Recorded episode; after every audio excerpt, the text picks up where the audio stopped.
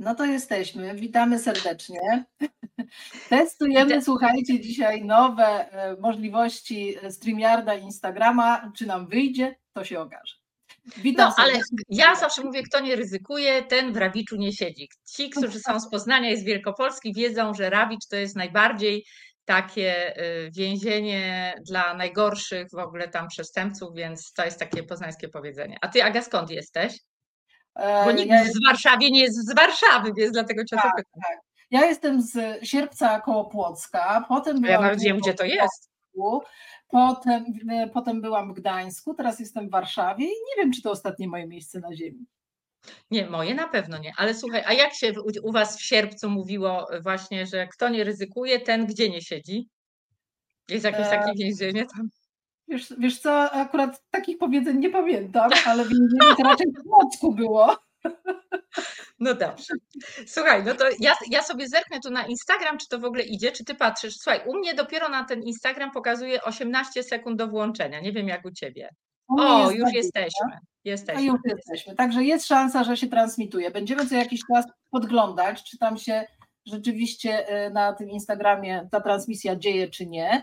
Natomiast e, no na pewno jesteśmy na Facebooku, na LinkedInie, na YouTubie. Jeżeli ktoś nas ogląda, już widzę Sylwię e, Bartnicką, witamy serdecznie na, na LinkedInie, to dajcie znać, pomachajcie do nas, zadawajcie nam pytania.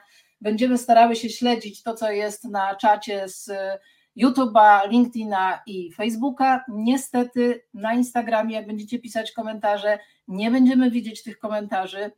Taka niestety y, jeszcze jest niedoskonałość tej transmisji, więc jak nie będziemy odpowiadać, to nie jest nasza arogancja, tylko po prostu nie widzimy tych komentarzy. Jak uda się no potem. że Instagram czasem dołączy właśnie i będzie miał takie narzędzie jak Facebook, jak LinkedIn, że, że będzie te komentarze widać, ale y, myślę, że najważniejsze jest to, że ci, którzy nas nie widzieli, a którzy nas widzą teraz, nie wiedzą, że odbyłyśmy już połowę tej rozmowy y, na Instagramie i nagle Instagram wywalił nam e, transmisję i nie mogłyśmy jej dokończyć, więc wszystkich, którzy nas oglądali, wtedy transmisję przerwało, bardzo za to przepraszamy, ale to niestety nie my, tylko Instagram, ale bardzo, bardzo była to zagorzała dyskusja i witamy tych, którzy są e, e, po raz pierwszy i tamtej nie widzieli, więc Aga, właściwie to musimy zacząć trochę od początku, wiesz?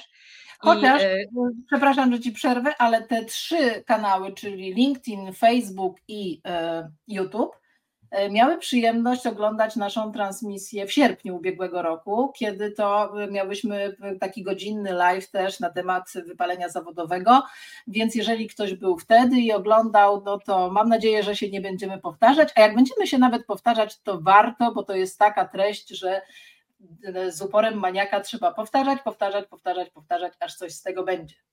No to ja zacznę od tego, że w sierpniu mówiłyśmy o Agnieszki książce. Agnieszka napisała ją z Marysią Jaroni, ale Agi jest tutaj bardzo dużo. Aga jest też menadżerem od wielu, wielu lat w korporacjach, takiej dosyć mocnej, męskiej korporacji, jak Feniks z popiołów o wypaleniu zawodowym i stresie w czasach kryzysu. To jest książka, do której ja jestem zaszczycona.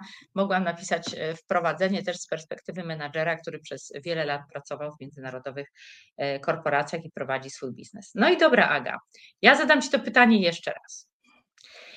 Wydawałoby się, że to jest książka niewiarygodnie potrzebna przede wszystkim pracodawcom, menadżerom, kierownikom, e, project menadżerom, osobom, które zarządzają innymi ludźmi. No i co? Czy coś się wydarzyło? Niewiele.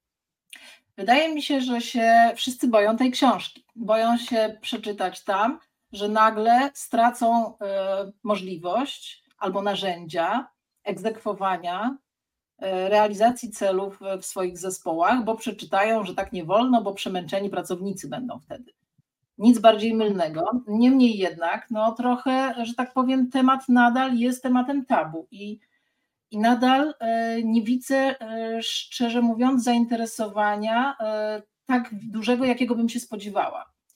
Bo sama, jak już wspomniałaś, same jesteśmy menedżerkami i, i wiemy, że to jest bardzo ważne, żeby wiedzieć, co i mhm. jak w firmie można poprawić, żeby to środowisko pracy było bardziej prewencyjne, bezpieczne higieniczne, jak ja to nazywam.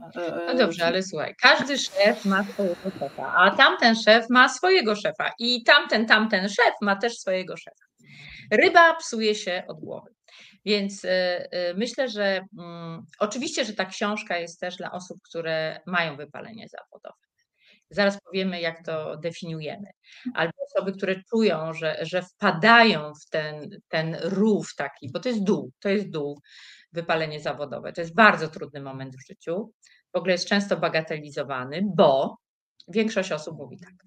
No co, ty przecież masz pracę, bezpieczną umowę, przelew dostajesz co miesiąc, dobra firma, masz samochód, masz rodzinę, masz y, y, dom, mieszkanie czy cokolwiek, co ty marudzisz? Czy ty tu nie ściemniasz?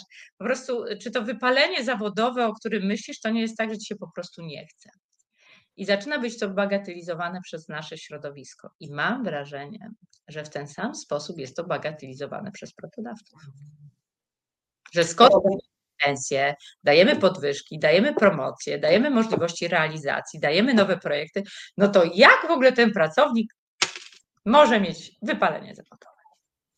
Wiesz co, tak, ale, ale tak, tak jest absolutnie, ale też e, powiem więcej, my czasami sami bagatelizujemy to, e, co powiedziałaś i tak trochę już zauważamy, ale tłumaczymy sobie, e, nie przesadzaj, nie marudź, wszyscy zapierdzielają dookoła, to dlaczego ty nie możesz zapierdzielać? Dlaczego tobie się nagle coś nie podoba w stylu życia, który prowadzisz? Więc A w dupie często... ci się poprzewracało. W dupie ci się poprzewracało, tak, to bardzo częste jest, nie? Tak, no sama to słyszałam, że mi się w dupie poprzewracało.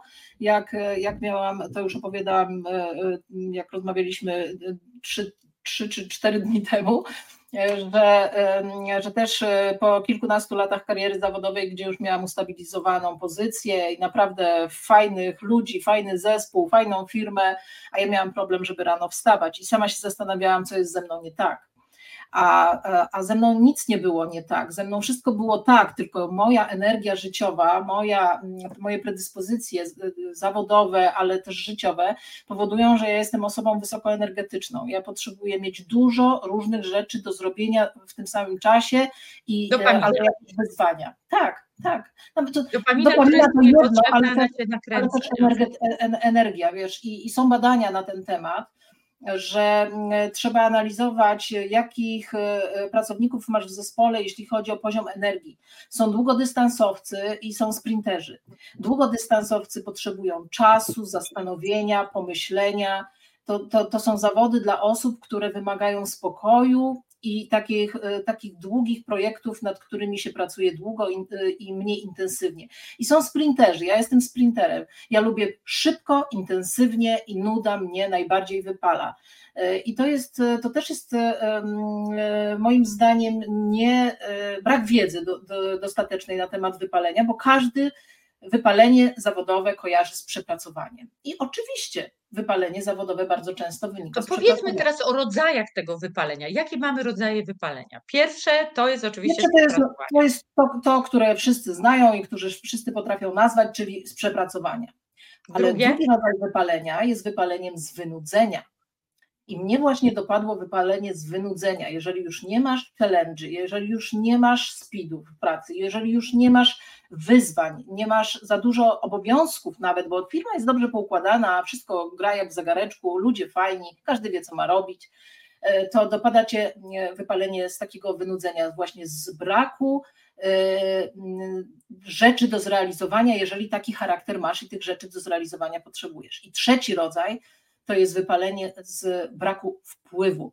Jeżeli my się miotamy, tak, jeżeli my się miotamy, jeżeli chcemy przenosić góry, jeżeli chcemy zmienić świat, jeżeli pracujemy w zawodach, które są e, funkcją jakąś społeczną, e, w hospicjach, policjanci, pielęgniarki, nauczyciele. Nauczyciele, to jest ogromna grupa, właśnie bardzo dużo nauczycieli napisało do mnie, kiedy, a nie mogą rozpoczęłyśmy temat, nie? Mhm. Słuchaj, ja to, to ponieważ to powiedziałaś o swoim wypaleniu, to ja powiem o moim. Ja przez e, naprawdę wiele, wiele lat, bo już 31 lat ponad, e, o Jezus Maria, w lutym moje urodziny, e, no to 31 lat pracuję w biznesie. Oczywiście pięłam się y, y, y, po różnych szczeblach, aż doszłam do tych dyrektorskich, menedżerskich stanowisk i wiesz, no jakby w komunikacji, w PR-ze e, to jest tak, że jak osiągasz już ten status dyrektora, to nigdy nie dojdziesz do zarządu albo gdzie indziej, ponieważ no, w zarządzie nie ma PR-owców, w zarządzie są e, szefowie sprzedaży, ewentualnie marketingu, CRM-y i tak dalej. Więc ja już wiedziałam, że osiągnęłam e, sufit. Jedyne, co mogłam robić, to przesuwać się na tym stanowisku do innych firm i zajmować się innymi produktami. I miałam duże zespoły i bardzo małe zespoły. I moje wypalenie zawodowe pojawiło się właśnie z, bra z braku wpływu. To znaczy, że promujesz, dajesz, e, uczysz ludzi, dajesz im możliwości, e, dajesz im swoją wiedzę, swoje bazy danych, kontakty. Tak jak w ostatniej firmie, na przykład do wszystkich aktorów, reżyserów, scenarzystów, możemy z nimi współpracować. Zrobiliśmy oglądanie Oscarów, robiliśmy premiery serialowe i tak dalej. Oni dupa. Oni nie chcą. Oni nie czują, że chcą to robić, nie? ja chciałam przynosić góry i zrobić coś wow, a zespół tego nie ciągnął. Albo znajdowała się jedna, dwie osoby, które ciągnęły, a reszta przychodziła do pracy, bo przychodziła. No, ja jestem wymagającym szefem, nigdy nie, nie zaakceptowałam i zwalniałam pracowników z powodu mm, używek w pracy w życiu prywatnym mnie nie interesują, w pracy, złodziejstwo, które też było bardzo częste, zwłaszcza e, przy przetargach, tam koleżaneczka sobie brała pod stołem, e, brak lojalności, brak szacunku do miejsca pracy e, i problem z komunikacją z zespołem. Bo po prostu no, możesz kogoś uczyć, uczyć, ale jak widzisz, że ten ktoś nie ma chcieństwa, to nie dasz rady.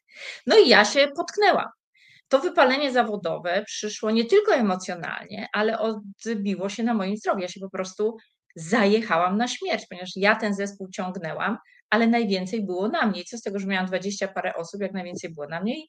I, tak zawsze mówię do, do tych szefów, którzy do mnie przychodzą, że jak będziesz tak pracował, to skończysz tak jak ja.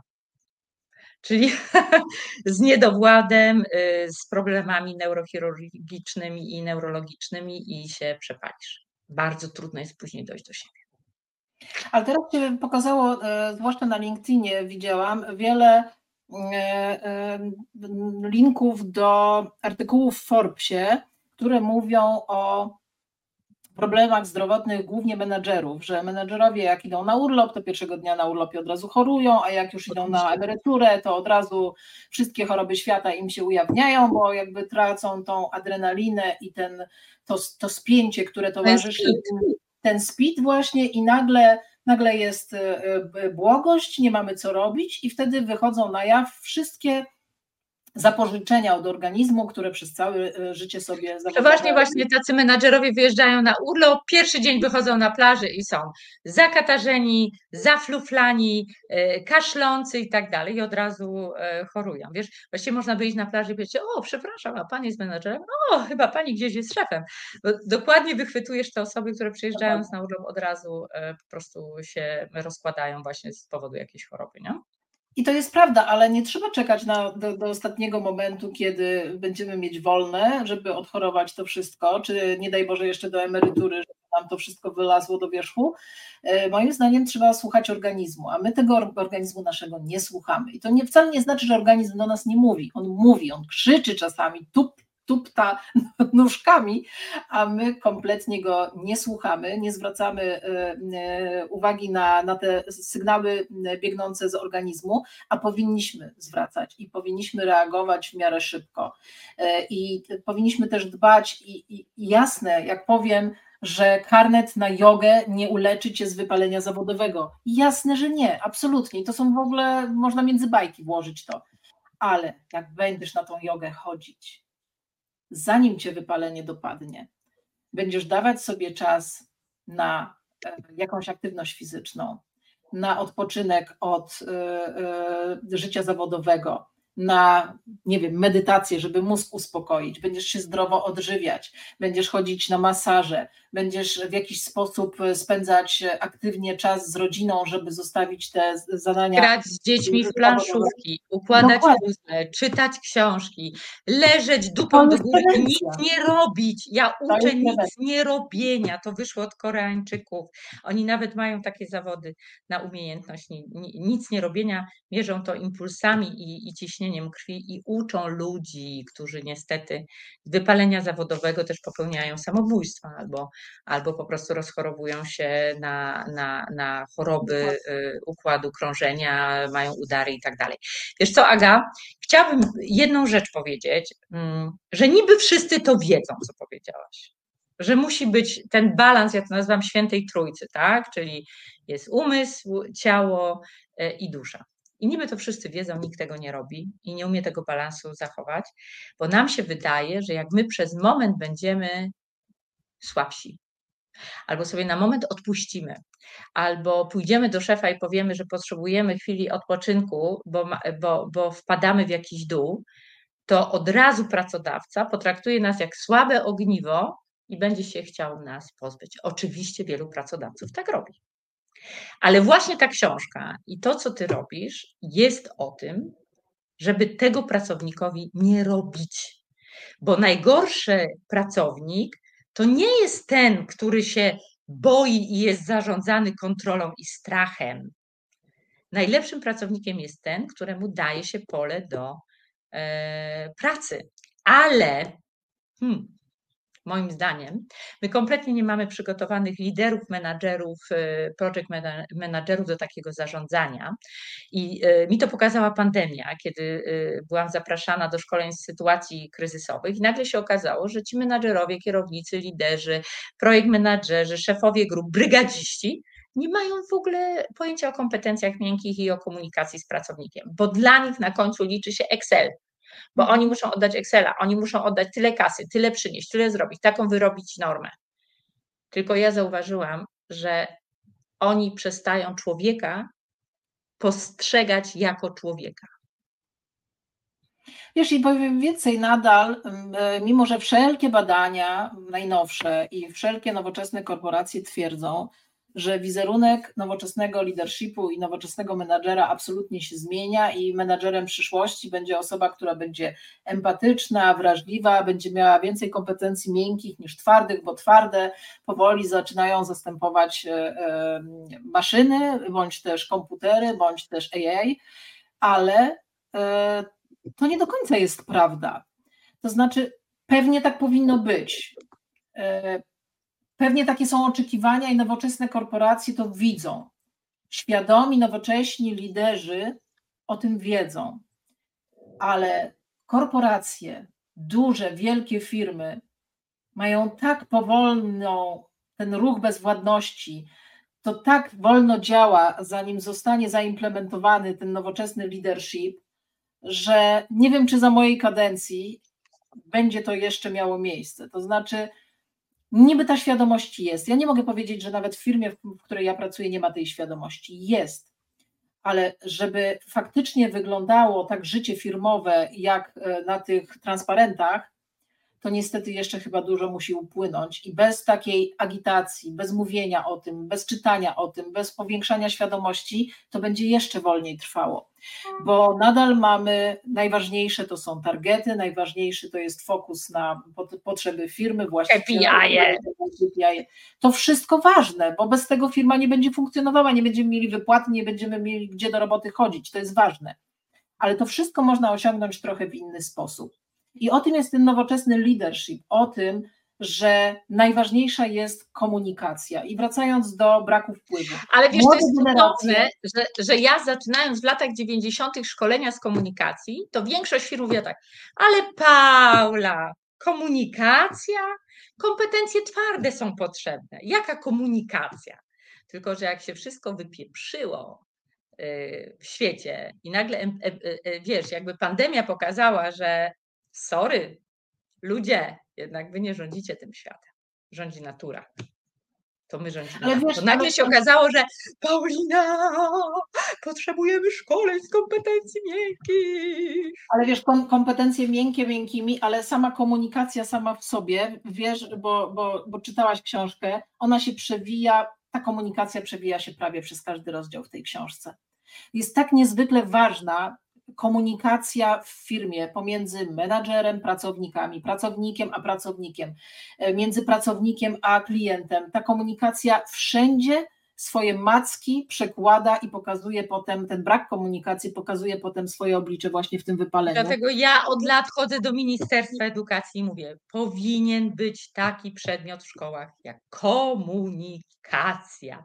Bo później przychodzą studia, słuchaj, przychodzą studenci do pracy, po studiach to nie potrafią się komunikować, ale nawet studenci, którzy są u mnie, wiesz, na uczelni, no naprawdę niewielu z nich potrafi się komunikować, a już w ogóle tacy studenci, którzy, wiesz, e, są na informatyce, na programowaniu, no to, to już w ogóle jest problem. Ale słuchaj, e, może to jest dobry moment, żeby jeszcze raz pokazać Twoją książkę. E, powiedz, Aga, gdzie ją kupić? No nie zostało już ich dużo, muszę powiedzieć, ale nadal można ją kupić na Allegro, na moim koncie i na, na moim sklepie aimhigh.pl. E, zresztą później wrzucę Wam link tutaj. E, myślę, że będzie potrzebny dodruk na, na wiosnę, e, ale nie dlatego, że tak dużo jej się sprzedało, tylko dlatego, że ja się spodziewałam, że temat będzie trudny i dlatego, dlatego też e, nie szalałyśmy z Marysią z ilością e, egzemplarzy. Natomiast jest cały czas e-book dostępny i, i wciąż ta książka jeszcze jest dostępna, ale już naprawdę pojedyncze ostatnie egzemplarze zostały. Ale ja się dziwię, wiesz, że firmy, y, wiedząc, że y, wydałyście takie książki, ty jako menadżerka obserwująca, szkoleniowiec, coach, Marysia Jaroni jako e, e, osoba zajmująca się psychologią, psychiatrą i tak dalej, że w ogóle firmy nie zamawiają u was takiego szkolenia. Wiesz, bo to, to jest szkolenie nie tylko dla pracowników, ale głównie dla menadżerów, na rozpoznawanie, na umiejętność komunikacji. A ja z drugiej strony, jeżeli chcecie y, czytać dużo o komunikacji, to ja Was zapraszam na moją stronę www.paulinasmash.com. Tam jest moja książka i tam jest też bardzo dużo komunikacji i o umiejętności e, komunikacji, zwłaszcza e, w biznesie. Ale dobrze, Aga, a posłuchaj, e, to teraz może od drugiej strony powiedzmy. Dlaczego my tak bardzo wstydzimy się tego terminu wypalenie zawodowe? My jako jednostki. Wiesz co, no bo to świadczy trochę o tym, e, że, mm, no, że gdzieś e, jesteśmy słabsi psychicznie niż inni, niż inne jednostki, które są wokół nas. I, i pamiętam, e, jak, mm, jak moja koleżanka, jeśli z nami jest, to, to będzie wiedziała, że o niej mówię, powiedziała, kiedy jej się wypalenie zawodowe ujawniło. E, kiedy, kiedy miała jechać na, mm, na TED e, Warsaw Women e, do Warszawy, dostała zaproszenie chyba od kogoś, bilet, nie znam szczegółów, już nie pamiętam, i usiadła do kupienia sobie biletu do Warszawy, żeby jechać na to wydarzenie i dopadła ją taka niemoc, e, że tam będą wszyscy dookoła, wszystkie te babki, które tam przyjadą, to wszyscy będą zajebiści. Wszyscy będą e, nastawieni na rozwój, wszyscy będą ekspertami, wszyscy będą e, pełni sukcesów. A ona czuła, że tego nie da rady znieść, tego pędu właśnie. I, I to był taki pierwszy, najważniejszy moment, kiedy jej pokazał, że ona właśnie jest wypalona i myślę, że ten kult e, takiej, e, przepraszam, że będę e, używać takiego słowa, ale kult takiej właśnie zajebistości powoduje, że my wstydzimy się, że tacy nie jesteśmy i ukrywamy to, że mamy gorsze momenty albo że nas dopadło wypalenie zawodowe. Bo no dobrze, ale zapytam Cię o to, no bo że zawodowo się boimy do tego mhm. To ja wiem, bo pracodawcy nie są na to przygotowani. Absolutnie. Ja w ogóle wiesz, na moich szkoleniach uczę kobiety, że jak jesteś chora albo masz chore dziecko, to w ogóle tego nie komunikuj w pracy. Bo ja uważam, że jeszcze, oczywiście pewnie są pracodawcy pojedyncze, jakieś firmy, które potrafią to uszanować, ale Moje doświadczenie 30-letnie pokazują, że pracodawcy natychmiast cię traktują jak słabe ogniwo. Zresztą, słuchaj, no, było tak wiele przykładów opisywanych tego, że, że, nie, że nie muszę ich przytaczać, że jak idziesz i powiesz, jestem chora, albo mam depresję, muszę iść na zwolnienie, i przeważnie te osoby też idą gdzieś na trzymiesięczne, sześciomiesięczne, mhm.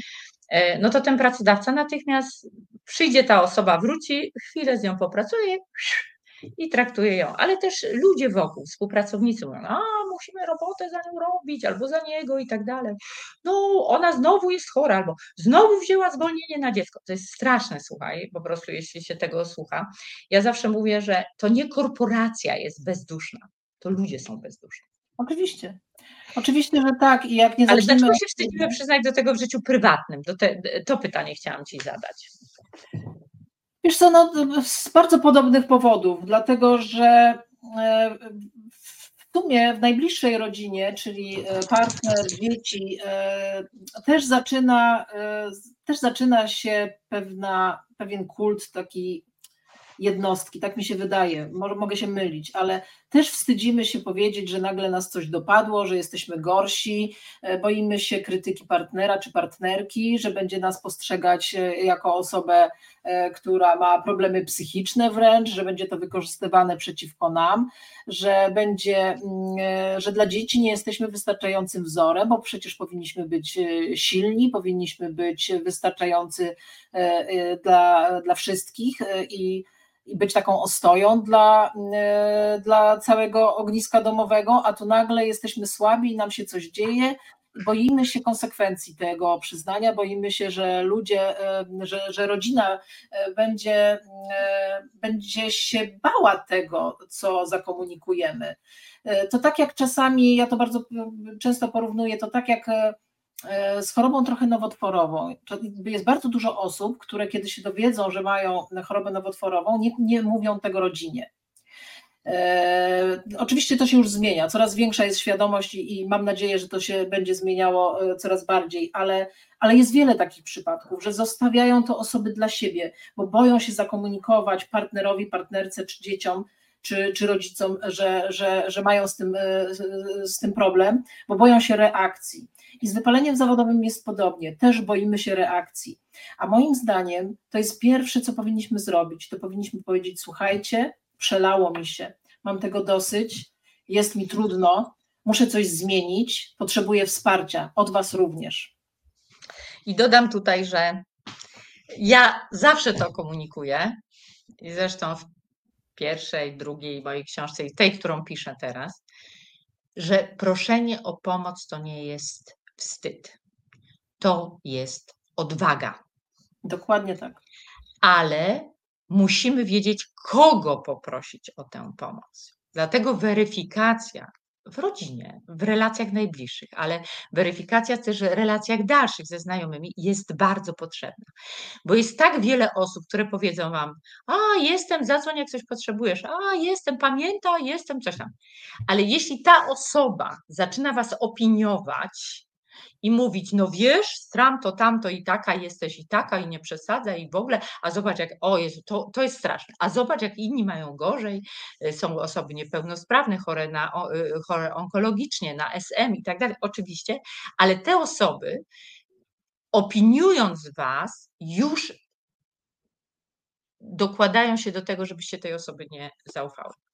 Dlatego, że mówiąc to, przyczyniają się do e, gorszego waszego stanu psychicznego.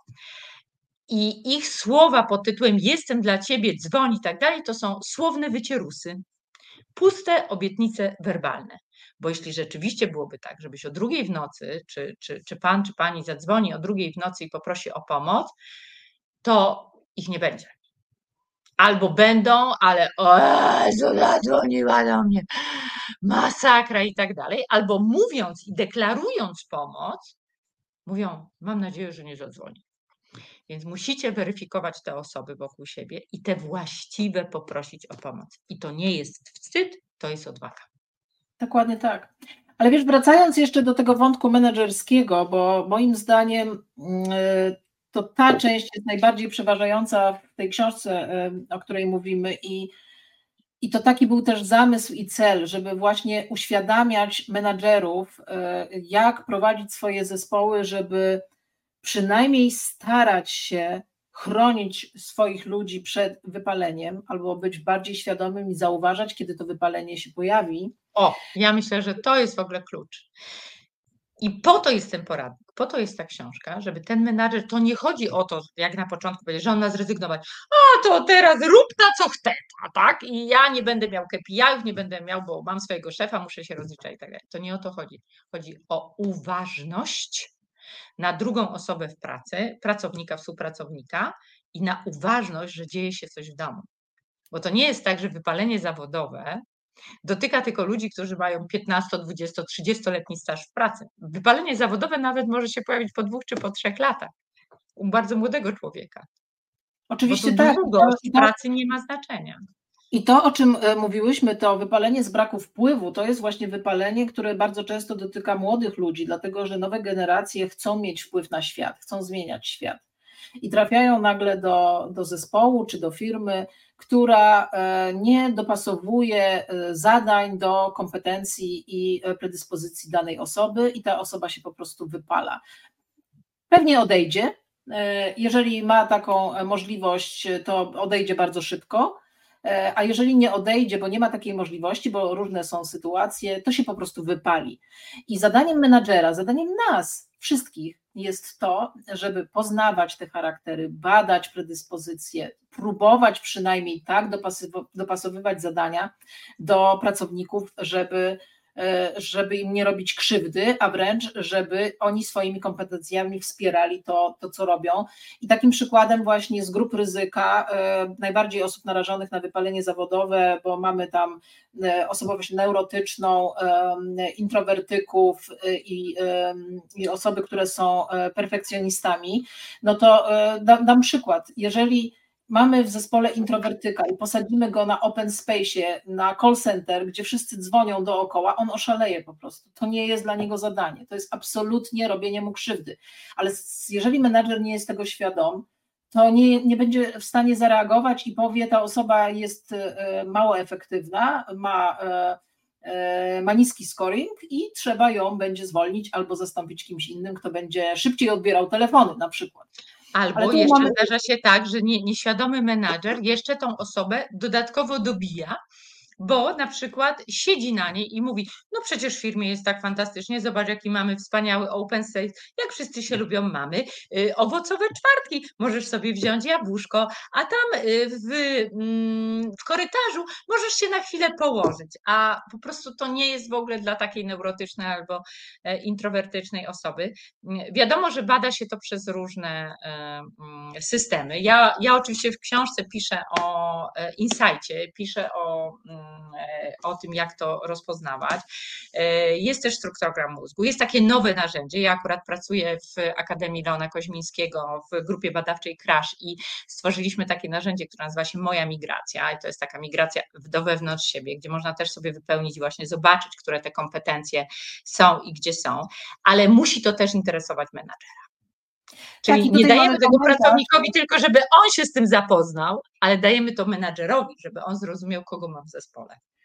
Na chwilę pokażę tylko komentarz, y, bo jest z nami Sylwia Różalska-Lange. Cześć Sylwia. Y, Sylwia napisała tutaj komentarz, Sylwia też jest jedną z recenzentek y, książki Jak Feniks z popiołów, za co też bardzo dziękuję przy okazji.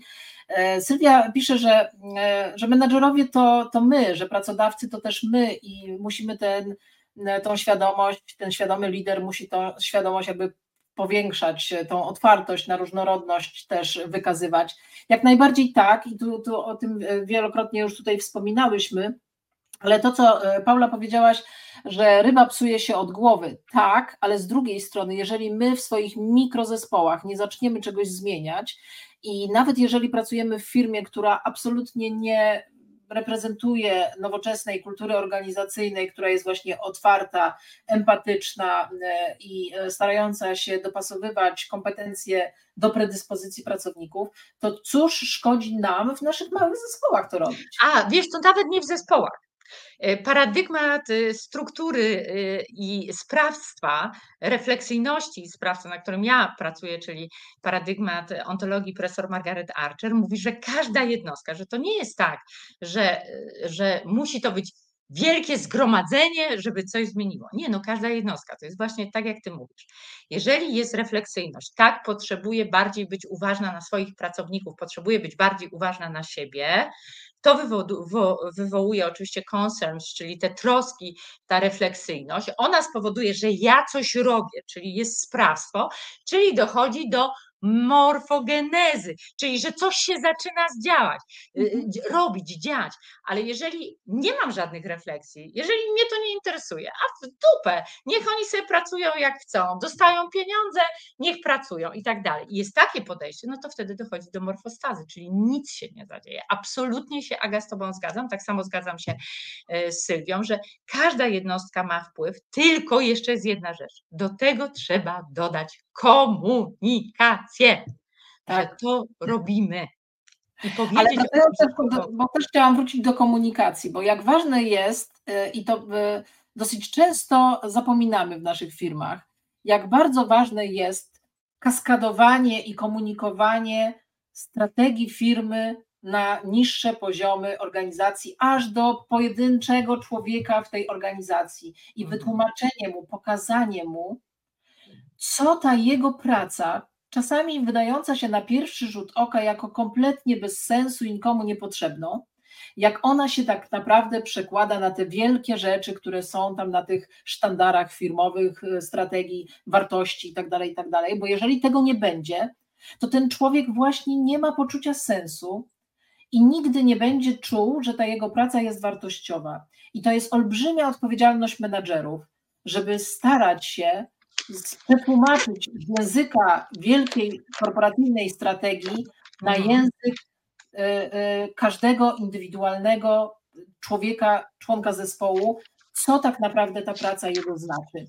I może się okazać, y, co, co ja ostatnio bardzo mocno zwracam na to uwagę, że są zadania w firmie, które są kompletnie nikomu niepotrzebne, ale robicie je, bo zawsze się tak robiło. A nie ma nic gorszego, jak robić z maksymalnym zaangażowaniem i maksymalnie efektywnie rzeczy, które nie powinny być robione wcale. No, ja to nazywam po prostu, wiesz, zapitalanie z pustą taczką, nie? Że, że po prostu robi się rzeczy, które nikomu nie są potrzebne.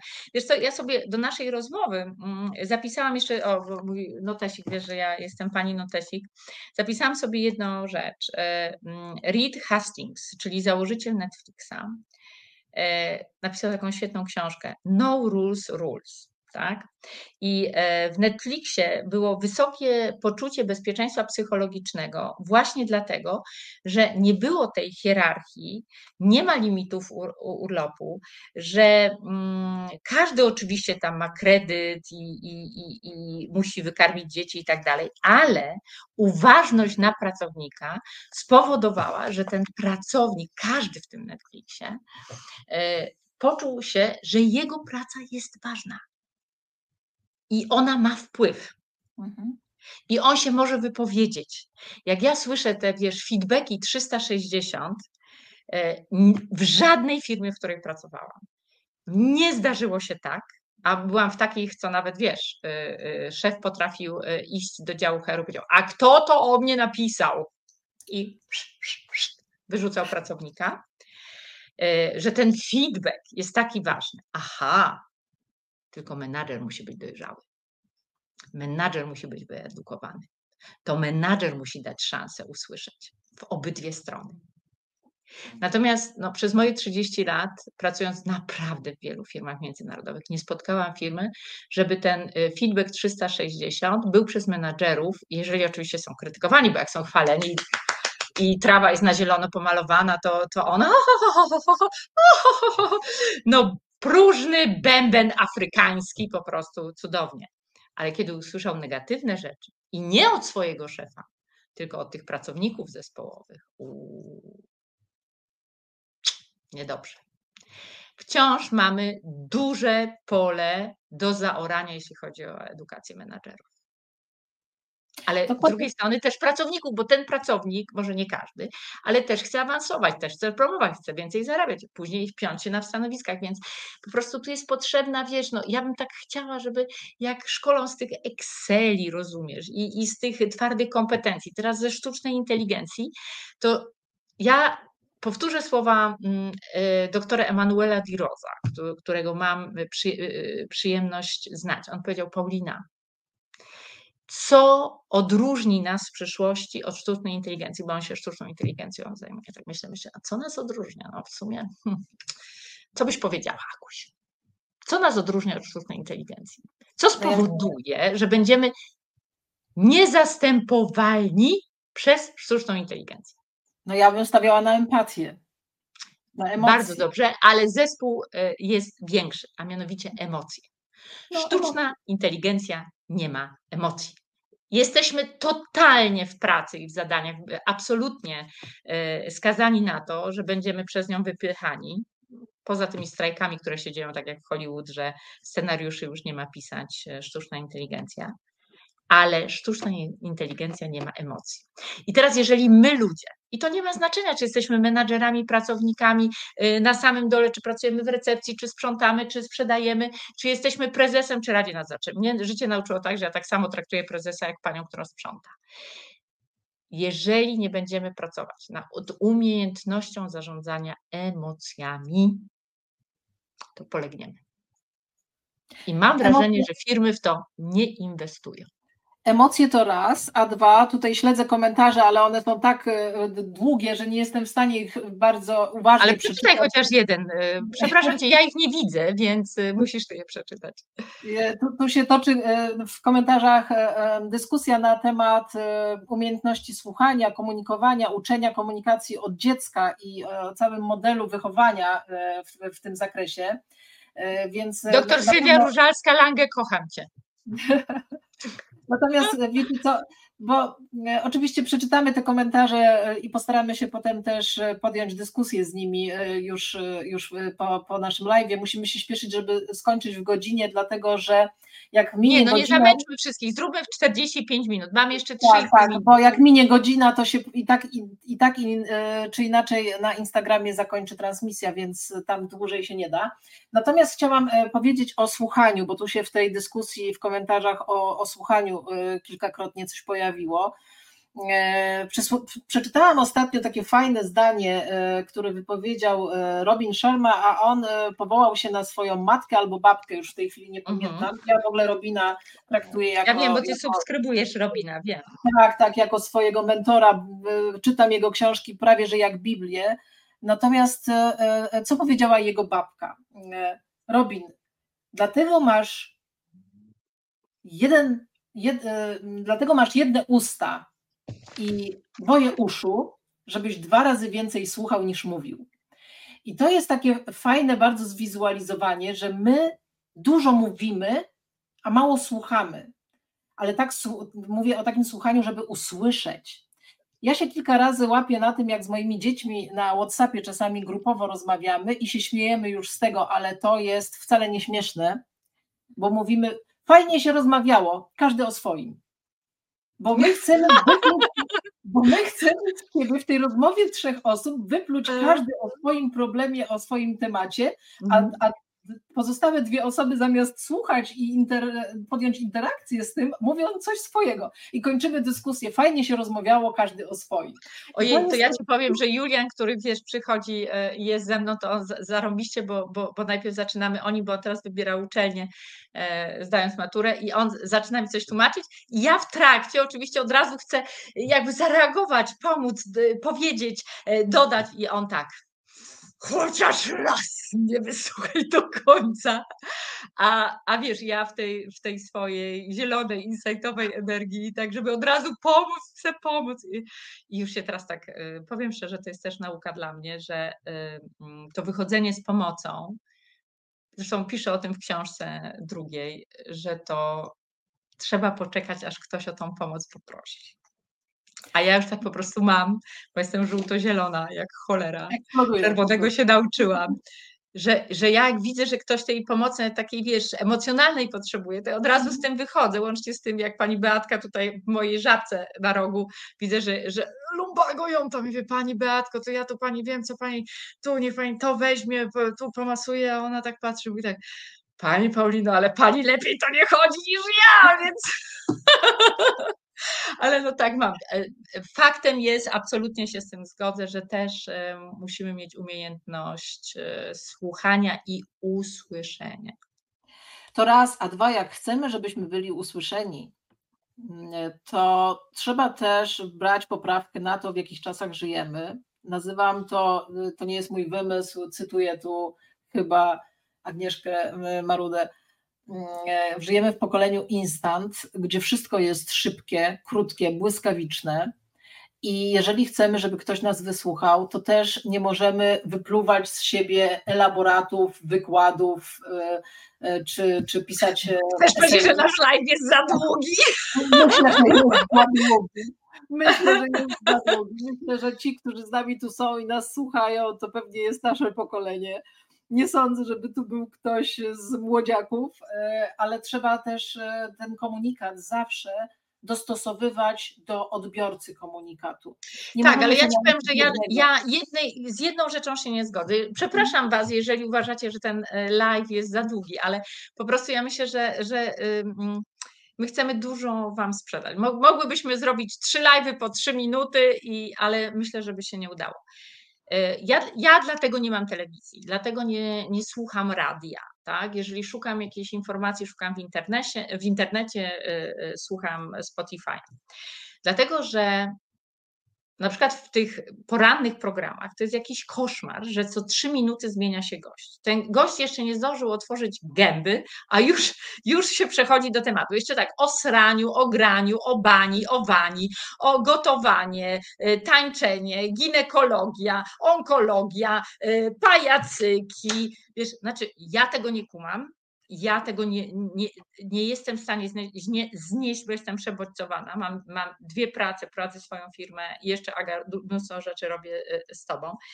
Ale y, dla mnie właśnie uważam, że młode pokolenie przebodźcowane jest właśnie takimi krótkimi komunikatami, których oni jeszcze w ogóle nie sprawdzają, czy są fake newsy, czy to jest w ogóle prawdziwe, nie, nie, nie, nie, sprawdzają źródła tych informacji. Ja tego uczę też u mnie na studiach, ale to, czego nam w Polsce moim, e, moim zdaniem brakuje, to jest specjalizacja i umiejętność powiedzenia, co mnie interesuje, co jest moją pasją. I wierz mi, kiedy zadaję pytanie, kim jesteś, to nigdy w tym pytaniu u studentów nie pojawia się pasja, bo oni nie wiedzą, czym się interesują. Oni się interesują wszystkim innym. I więc Was przepraszamy, że ten live trwa tak długo, ale my się interesujemy wypaleniem zawodowym i mamy dużo do powiedzenia. Dokładnie tak. Ale to, co powiedziałaś, żeby też się zatrzymać na chwilę, mm, pomyśleć o sobie, o tym, kim jestem, e, do czego, do czego aspiruję, co chciałabym w życiu zrobić, jaka jest moja historia. My nie mamy na to czasu dzisiaj. Kompletnie. Ej, ej, ej, a, a, nie, słuchaj, proszę cię, otwórz no. moją książkę. Tam jest taki kwestionariusz. Kim jestem, dokąd idę, czego pragnę, i słuchaj, ja e, z kobietami, z którymi pracuję, no, mężczyzn też mam kilku. Która strona? To... Bardzo Cię proszę, 26. Jest taki kwestionariusz i powiem Ci szczerze, to są bardzo proste pytania, ale odpowiedzi już nie są takie proste. Widzę, no właśnie, jak osoby proste. nagle mówią, ojej, ale ja nigdy o tym nie myślałam albo nigdy się nad tym nie zastanawiała. No właśnie, bo ta prędkość życia, ten speed, o którym mówisz, nie zatrzymuje nas w tej refleksyjności i uważności na siebie. A w tej książce, twojej znowu, jest powiedziane, że jak nie uważasz na siebie, nie słuchasz swojej intuicji, swojej inteligencji, swoich przeczuć, to wpadniesz w bagno. Tak, i chcemy edukować, słuchajcie.